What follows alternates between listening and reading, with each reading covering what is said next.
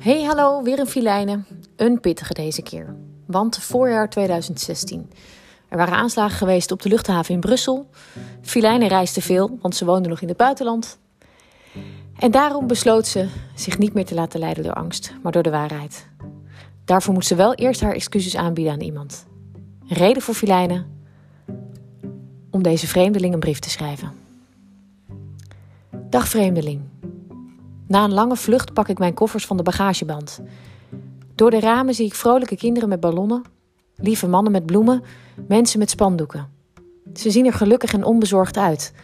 Ze wachten allemaal op familie, geliefden en dierbaren waarmee ze weer herenigd zullen worden. Zodra ik door de schuifdeuren loop en de magische wereld van het reizen achter me laat, zie ik ook mijn familie staan. Uitgelaten en gelukkig omhelzen we elkaar. Zullen we even een koffietje drinken? De aanslagen op de luchthaven in Brussel staan vers in mijn geheugen. Laten we anders lekker thuis een koffie doen, hoor ik mezelf zeggen. In mijn hoofd meteen een stemmetje. Scheitert, je laat je leiden door angst. Toch lopen we meteen richting de parkeergarage. Dan zie ik jou. Je staat bij een pilaar in de aankomsthal te wachten. Je draagt een dikke jas en je kijkt schichtig om je heen. Je gezicht versierd door een donkere baard. Onze ogen ontmoeten elkaar en je kijkt met een vijandige blik de andere kant op. Je voeten gestoken in zwarte sportschoenen bewegen zenuwachtig heen en weer. Ik betrap mezelf erop mijn blik op je middel te richten. De jas is wel erg dik. Terwijl dit alles zich in een splitseconde afspeelt, grijpt mijn rechterhand de hand van mijn jongste. Met mijn ogen speur ik de omgeving af naar de andere twee kinderen en ik check of ik mijn familieleden nog in de buurt heb. Loop maar even door, roep ik naar de oudste twee met een gemaakte onbezorgde glimlach. Mijn hart begint ineens steviger te kloppen en alles in mij zegt dat ik snel die grote hal uit moet. Die grote hal waar al die mensen uit de hele wereld bij elkaar komen. Die grote hal waar zo massaal het leven wordt beleefd met verhalen uit andere landen. Maar ineens vooral die grote hal waar iedereen zomaar zonder controle naar binnen kan lopen. Om te genieten of om te vernietigen waar anderen van genieten. Ik zie drie bewapende mannen door de hal lopen. Ze kijken met serieuze blik om zich heen en doen hun best mensen zoals mij gerust te stellen en een veilig gevoel te bieden. We houden de boel hier in de gaten, zodat u onbezorgd kunt genieten, lijken ze te willen zeggen. Het heeft een averechts effect op mij. Voor mijn ogen flitsen de beelden van deze mannen in actie die jou hardhandig op de grond leggen, schreeuwend tegen de mensen om ons heen dat iedereen weg moet gaan. Mijn fantasie neemt een loopje met me en mijn benen dragen mijn gespannen lijf steeds sneller naar de parkeergarage. Voordat ik de lopende band opstap, kijk ik nog even om. Ik zie je meteen. Je zakt net door je knieën. Je opent wijd je armen en ik zie een stralend meisje gillend op je afrennen. Ook haar armen wijd open. Papa! gilt ze dolverliefd. Achter haar een prachtige vrouw met de mooiste, mystieke oogopslag die ik ooit heb gezien.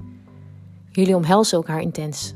En jij haalt van onder je jas een knuffelbeer tevoorschijn voor jullie mooie meisje. Ik sta stil. Mijn lijf en hoofd komen tot rust en ik kan niet anders dan liefdevol naar jullie kijken. In gedachten loop ik terug en bied ik jou met gebogen hoofd mijn excuses aan. Vanuit het diepste van mijn hart bied ik jou mijn excuses aan. Van mij als mens naar jou als precies hetzelfde mens. De wereld is veranderd. Ik ben veranderd en jij bent veranderd. Terwijl wij als mensen niks anders doen dan we altijd hebben gedaan. Jij leeft jouw leven, ik het mijne. Jij met jouw rituelen en gewoontes, ik met die van mij. Jij met jouw filosofieën en gedachten over het leven en ik met de mijne. Onze verpakking is anders, maar van binnen hebben we vast veel dezelfde vragen en bedenkingen. We delen dezelfde wereldbol met adem en ademen dezelfde lucht. En toch ben ik sinds kort bang voor jou. Bang voor jouw kleur, bang voor jouw baard en bang voor jouw vermeende beweegredenen. Althans, dat was ik. Maar jij hebt zojuist mijn ogen geopend. Jij en jouw twee prachtige vrouwen brachten de mooie realiteit terug in mijn gevoel. De wereld is veranderd, ja. Maar in de basis is de mens een wonderbaarlijk mooi en goed wezen. In de basis worden we allemaal naakt en alleen geboren. En ligt een leven vol mooie en moeilijke momenten op ons te wachten. En ieder moment daarvan is groots en leven, levensveranderend en tegelijk nietig klein en onbeduidend. Aan ons om respect te hebben voor al die momenten, van onszelf en van elkaar. Dus ik heb vandaag iets besloten. Door jou heb ik vandaag besloten beter te luisteren. Niet naar die stem die me bang maakt, maar naar de stem die me de waarheid vertelt. De wereld is veranderd. Maar ik kies zelf waar ik naar kijk. En ik kijk vanaf vandaag naar de realiteit. En dat is voor mij dat de overgrote meerderheid van de mensen om ons heen een wonderbaarlijk mooi en goed wezen is. Het spijt me dat ik daarvan overtuigd moest worden. Een dankbare groet, Filijne.